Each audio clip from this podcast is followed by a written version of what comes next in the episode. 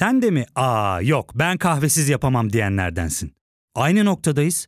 İlk ve tek kahve üyelik uygulaması Frink'le tanış. Hem bütçeni koru hem de hiç bitmeyen kahvenin tadını çıkar.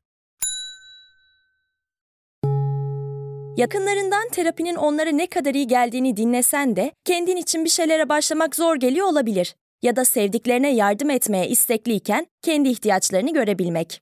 Hayvel, uzman psikologlarıyla kendi ihtiyaçlarını bulmanda sana destek olacak. Terapi yolculuğuna başlamak için detaylı bilgi bölümün açıklamalarında. Sinirlerim bozuldu. havalı havalı dolaşıyordum. Tapınak tapınak. Sonra motor gitmemeye başladı. Ve böyle yokuş çıkıyorum hani dağların tepelerin ortasında diğer tapınağa varacağım. Çık gitmemeye başladı. Sonra kenara çektim. Benzinim bitmiş. Ay sinirlerim bozuldu. Suyum da yok. Öğlen 12 sıcağında yolda kaldım. Google'dan Kopangam taksi yazdım. Bir WhatsApp'tan bulduğum bir numaraya bana benzin getirir misiniz dedim. Bekliyorum bana benzin getirecekler şimdi. Her gün yeni bir macera gerçekten.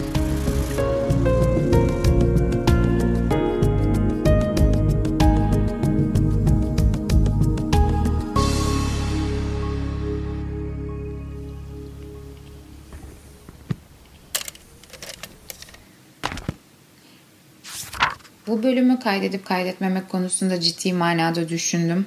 Çünkü aslında yaşadığım olayları anlatıp böyle hani ilham verici şeyleri anlatmakta amaç değil mi? Yani bir seyahate çıktım, bazı arayışlarım var sizin ortak olduğunu düşündüğüm sorgulamalar var ve sizi de bu yolculuğa ortak etmekte amaç ama yola çıkınca her şey istediğimiz gibi gitmiyor. Bunu zaten Hindistan'da ayağımı kırmam ve sonrasında deprem bir felakete tanıklık etmem uzaktan gibi olaylarla görmüştük.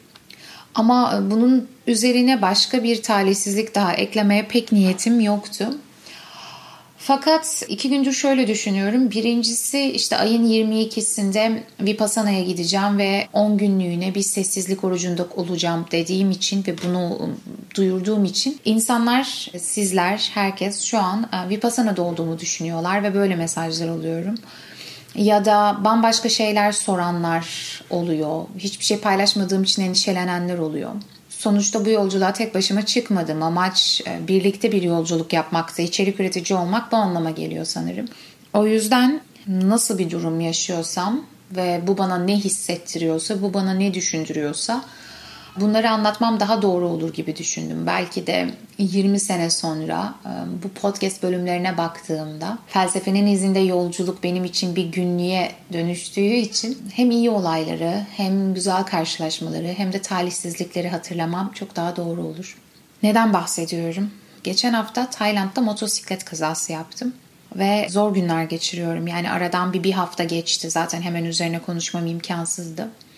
Geçen ay Hindistan'da ayağım kırılmıştı.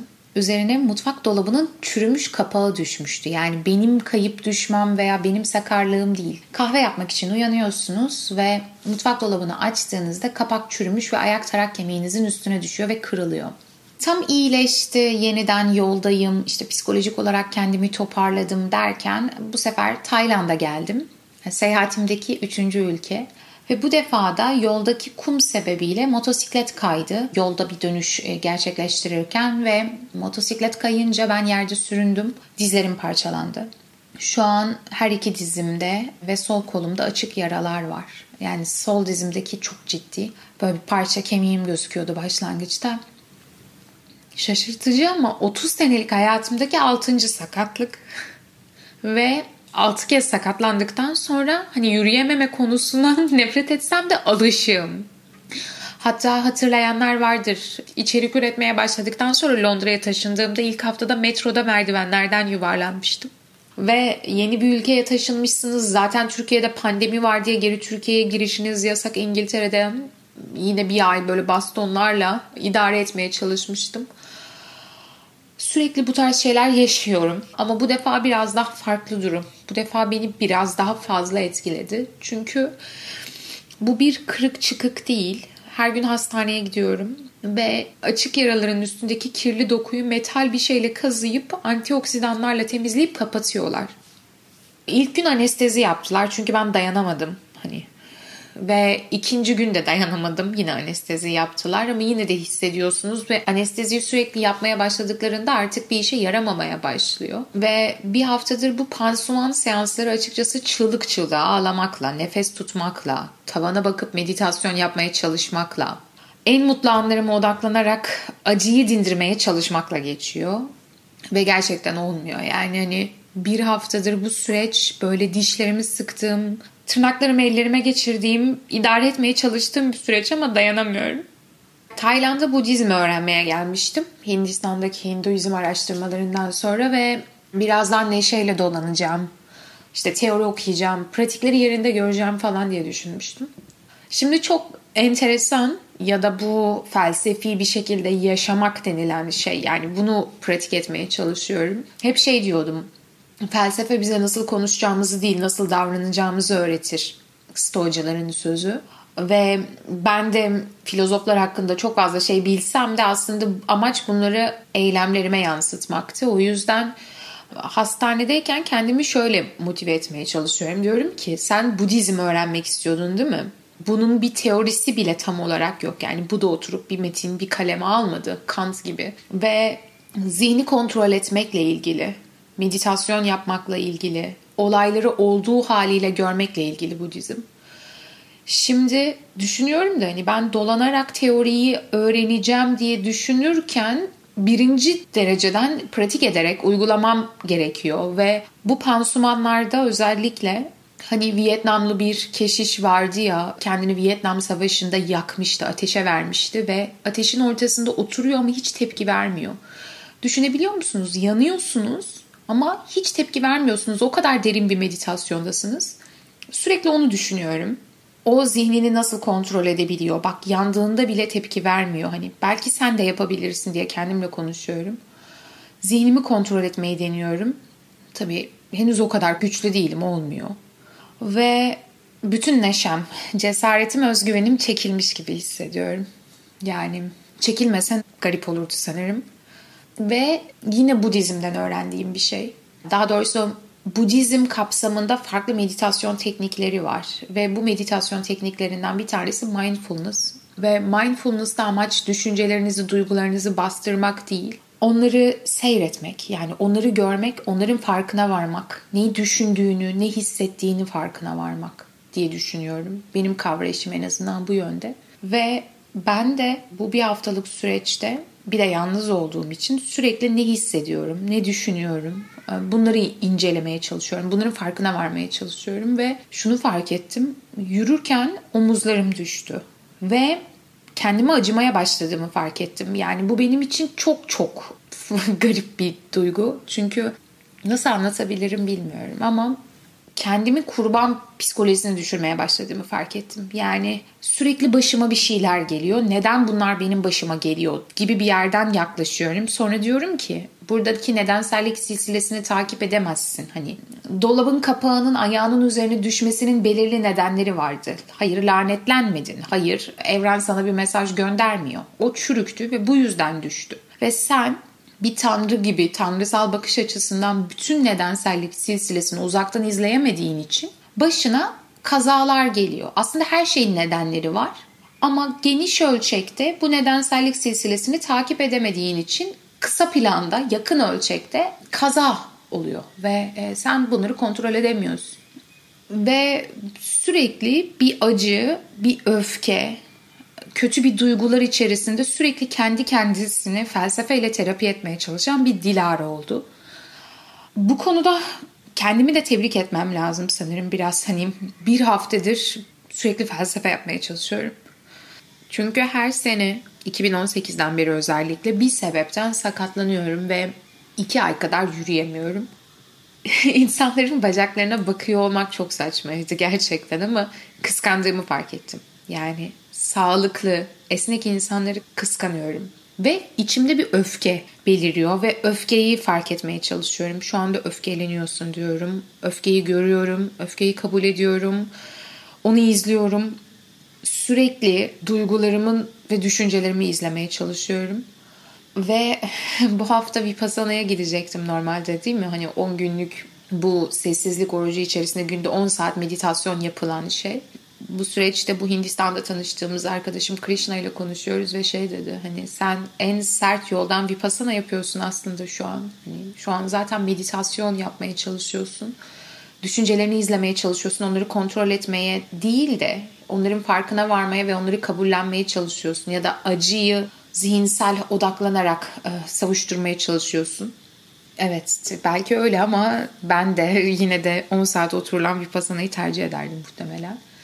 E peki neden bu kadar şey olurken dönmüyorsun denilebilir. Hindistan'dayken ilk sakatlandığımda birincisi ayağım kırıktı ve hani bastonluydum ve hani o kadar eşyayı nasıl toparlayıp döneceğimden emin değildim. İkincisi de dönmek istemedim. Çünkü eve dönseydim de zaten yine alçılı kırıklı ayakla oturacaktım. Çok bir şey yapmayacaktım. Ve annemle babama WhatsApp grubumuz var bizim bir aile WhatsApp grubumuz. Orada şey yazdım. Yani bu şanssızlıklar beni yıldıramayacak. Devam ediyorum falan yazmıştım. Şimdi istesem de dönemiyorum. Çünkü şu anda olduğum kazanın da yaşandığı yer anakarada değil. Yani Tayland'da anakarada değilim. Kopangan isimli bir ada. Ve eve dönmem için birincisi eşyalarımı toplamam. Bir büyük valiz, bir kabin bagaj var. Onlara yüklenip taksiyle feribota gitmem lazım. Feribota hadi taşıdım, bindim. Feribotla Koh Samui adasına gideceğim. Koh Samui adasında feribottan inip havalimanına geçmem lazım. Tekrar taksi. Havalimanında Koh Samui'den Bangkok'a gitmem lazım. Bangkok'tan İstanbul'a uçmam lazım ve bu uçuş genellikle aktarmalı. Direkt uçuş Türk Hava Yolları'nın var. 10 saat kadar sürüyor ve epey pahalı. Ve İstanbul'a indim diyelim. Orada da bitmiyor. Çünkü eve gitmek için aktarma ile Dalaman'a gitmem lazım. Dalaman'dan ailem alsa bile artı bir buçuk saatlik bir araba yolculuğu daha var. Yani böyle yedi parçada sağlıklı bir insan bile yapsa zaten onu tüketecek bir süreç var. Hani bir tam günü bulur. Hiç eşyam olmasa belki katlanırdım. Kendimle ilgili övündüğüm şeylerden biri o dirayet. Yani katlanabilme limitim gerçekten yüksek. Ama şu an eşya taşıyamam. İmkansız. Çünkü ayakta duramıyorum. Sol dizim açık yaranın olduğu diz aynı zamanda şiş. Ve oynamaması lazım. Resmen bir adada mahsur kaldım Tayland'da. Şu an yapacak bir şey yok.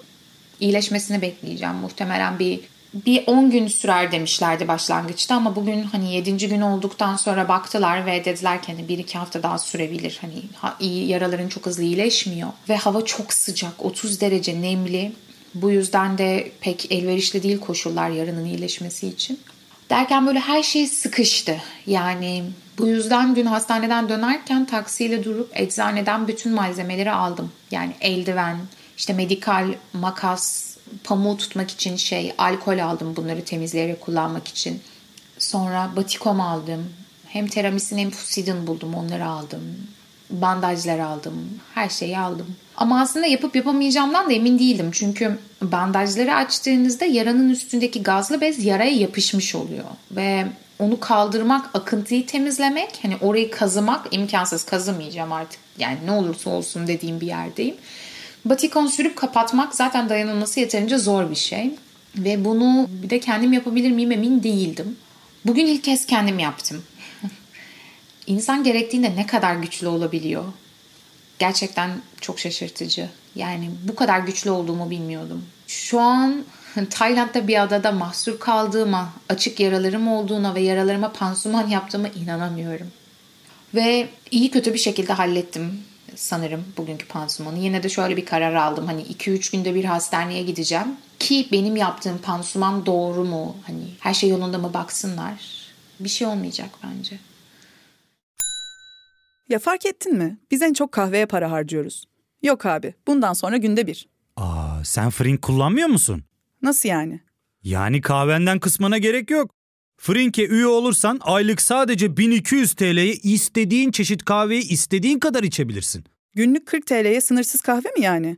Çok iyiymiş. Aynen. Hatta şu anda 200 TL'lik bir indirim kodu da var. E hadi hemen indirip üye ol da bu fırsatı kaçırma.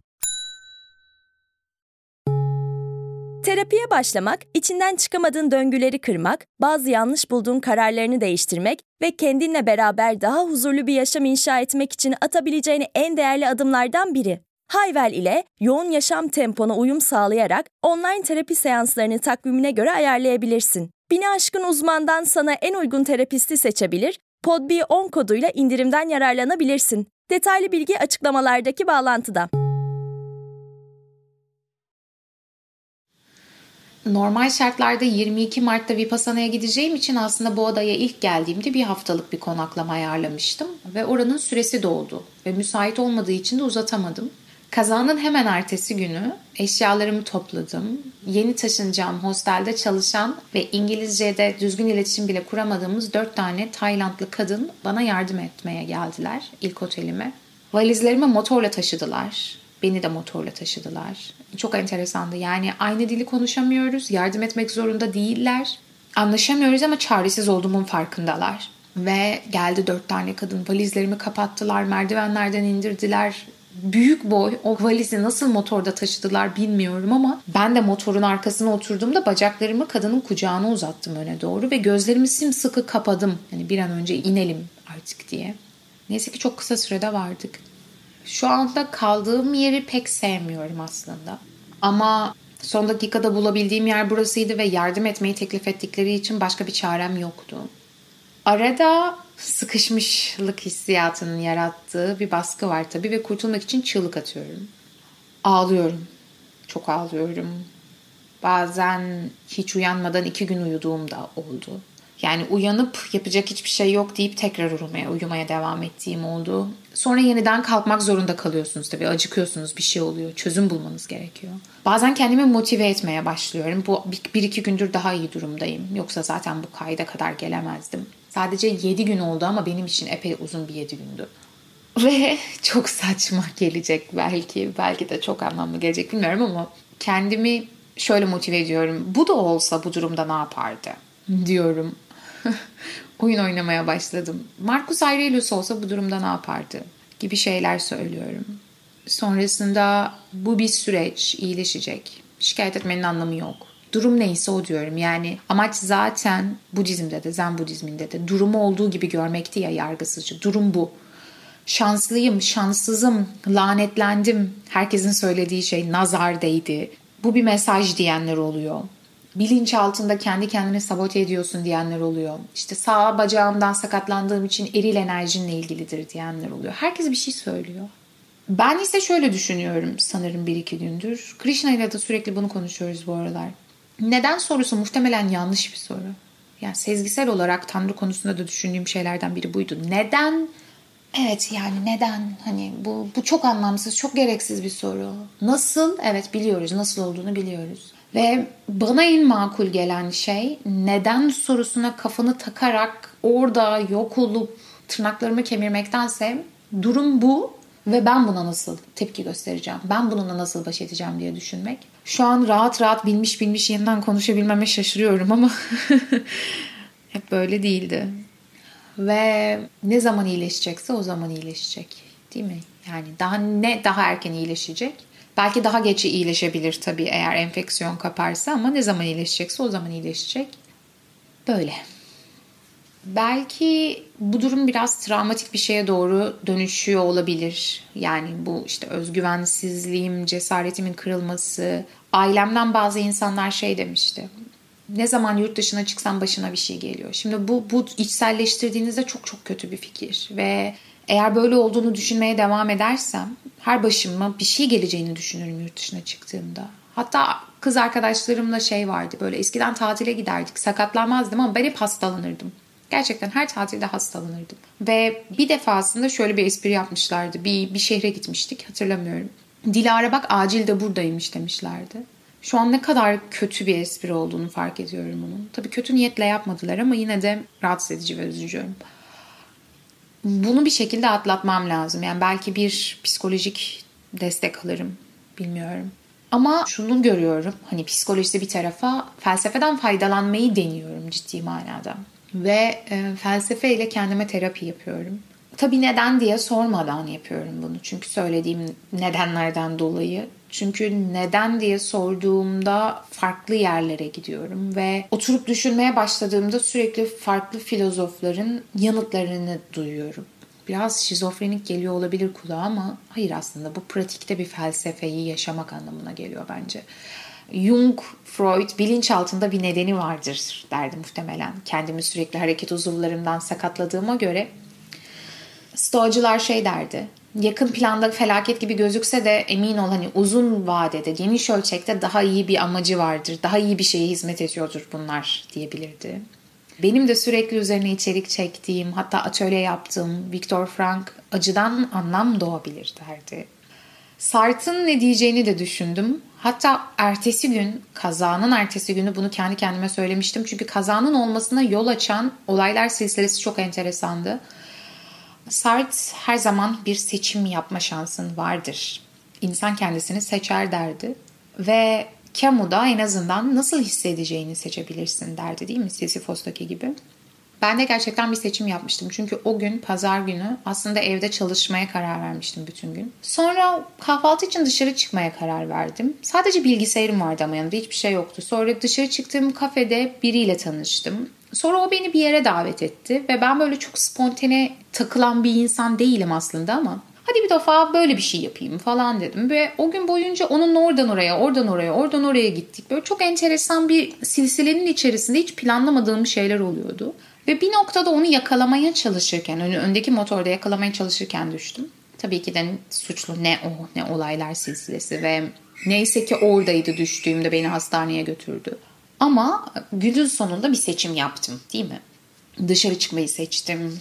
Sonrasında o gün o kafede kurguyu yapmak yerine kalkıp dolanmayı seçtim. Yani seçimlerimiz var ve her defasında bir seçim yaptığımızı düşünmek şöyle bir yerden rahatlatıyor beni en azından. Kurban psikolojisinden çıkıyorsunuz. Neden bütün bunlar benim başıma geliyor dediğinizde aslında kendinizi acayip pasifleştiriyorsunuz ve diyorsunuz ki ben hiçbir şey yapmıyorum bunlar benim başıma geliyor diyorsunuz. Ama her defasında bir şey seçtiğinizi ve yeni bir yol yarattığınızı fark ettiğinizde başka bir yere gidiyor. Mesela Oroville'deki durumu düşündüm. Hani madem bir seçim yapıyordum mutfak dolabının kapağının ayağımın üstüne düşmesi de mi benim seçimimdi mesela diye kendimle tartıştım.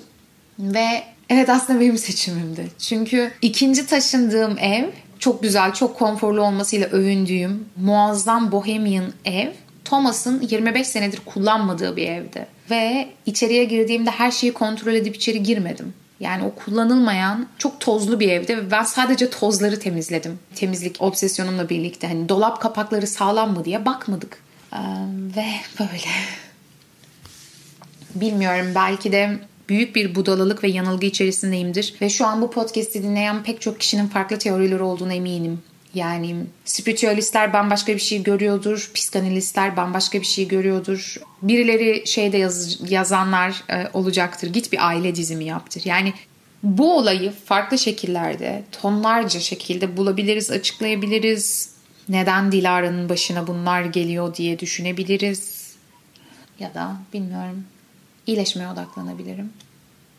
Sürekli hareket edip oradan oraya koşturuyordum ve sürekli bir planım vardı. Yani şu tarihte şuraya gideceğim, bu tarihte buraya gideceğim şeklinde ve hepsi sürekli iptal oldu. 3 haftalığına gittiğim Hindistan'da 2 ay kaldım. Bir haftalığına geldiğim Tayland'da şu an en az 3 hafta kalmak zorundayım. Bir arkadaşım belki de hayat sana biraz yavaşla diyordur demişti. Bilmiyorum hayat bana ne demek istiyor ama pek güzel bir yoldan söylemiyor emin olduğum sadece bir şey var ve bu benim gelecek çalışmalarıma yön verecek şeylerden biri. Kazanın olduğu gün ben Emre Şan ile çektiğimiz videoyu paylaşmıştım. Videonun ismi Hatırlayın Bedenlisiniz. Çok ironik. Ve her yerde böyle yazdım. Hatırlayın bedenlisiniz. Merleau-Ponty'nin felsefesi. Ve bütün bu olayları geriye dönüp baktığımda bu işte 6 kez sakatlanmam, rahatsızlanmam her birine baktığımda şöyle bir şey gördüm burada kendi psikanalizimi yapıp böyle kendi kendimle konuşmalarımı savuracağım birkaç bin kişiye ama gerçekten umurumda değil. Ergenliğimden beri kendimi bir zihin olarak görüyorum. Yani sadece var olan bir akıl, bir zihin olarak varmışım gibi hissediyorum. Bedenimle olan ilişkim hiçbir zaman iyi olmadı. Yani bedenli varlığımı kabullenemedim. Ben bir bedenim demek çok zordu. Hatta bir keresinde bir terapide şey demiştim. Bedenim yetişemiyor bana. Galiba böyle bir şey demiştim. Evet bedenim yetişemiyor. Yani zihnim, aklım o kadar aktif, o kadar müthiş şeyler yapmaya çalışıyor ve hızlı ki beden ona yetişemiyor. ben bu bedeni hak etmiyorum gibi bir şey söylemiştim sonra da ve ben de hani terapiste durmuştuk ve böyle tüylerimiz diken diken olmuştu nasıl böyle bir şey söylerim diye. Her neyse yani özetle sanki zihin ve beden iki ayrı şeymiş ve ben bu bedeni sürüklemek zorundaymışım gibi. O sanki zihnime hizmet etmek için geçici bir araçmış gibi davranıyorum. Kendimi bildim bileli. Birkaç travmatik deneyim de var bu konuda. Yani böyle olmasına yol açan travmatik şeyler de var. Ve benim doktorada çalışmak istediğim zihin teorilerinden bir tanesinin ismi Embodiment Cognition, Embodied Mind, bedenleşen bilinç, bilişin bedenleşmesi, bedenli zihin ve doktorada çalışmak istediğim şey zihin ve bedenin iki ayrı şey olmamasıydı. Yani aslında bilinç dediğimizde biz beden aracılığıyla kurulan bir bilinçli farkındalıktan söz ediyoruz ve bu işin teorisiydi. Hem bu noktada bir travma yaşamış hem sorunları olan biriyim hem doktor araştırmamda garip bir şekilde bununla ilgileniyorum ve savunduğum şey bu. Hem de embodiment ya da daha doğrusu embodied yani bedenleşmiş bir insan olmaktan daha doğrusu olamamaktan dolayı sürekli problemler yaşıyorum. O yüzden bu yaşananlardan bir ders çıkardım.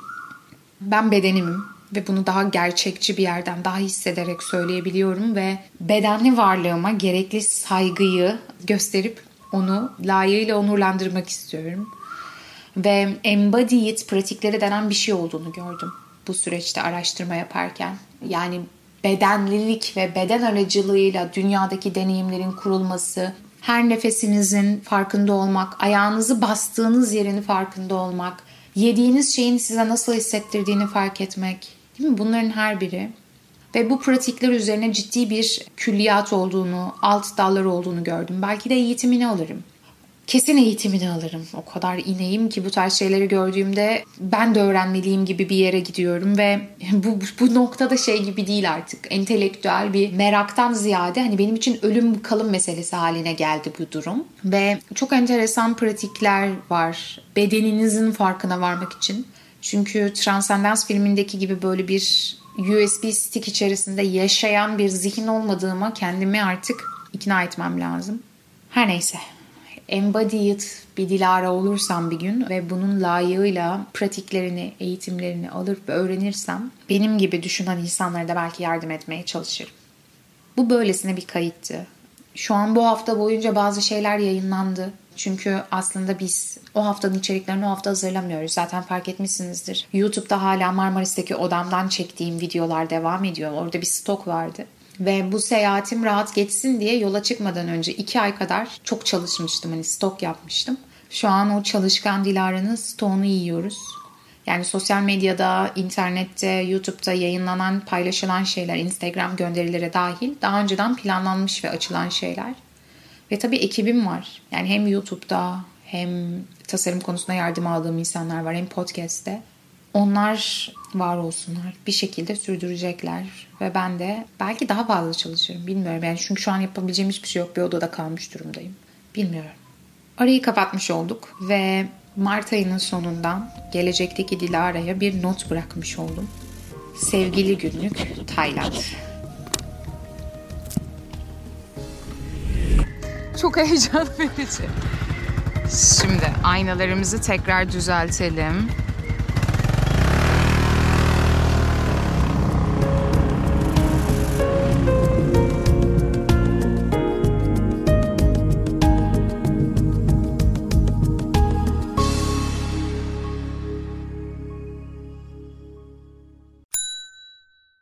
Ve tek kahve üyelik uygulaması Frink, 46 ildeki 500'den fazla noktada seni bekliyor. Açıklamadaki kodu girerek sana özel 200 TL'lik indirimden faydalanmayı unutma. Hadi sen de Frink üyeliğini başlat, kahven hiç bitmesin. Hem bugününe hem yarınına katacaklarıyla terapi yolculuğuna ve daha iyi hissetmeye bugün Hayvel ile başla. Açıklamadaki linkten Hayvel'i indir, ücretsiz tanışma görüşmelerinin ardından bütçene uygun seans paketini seç ve terapi yolculuğuna başla.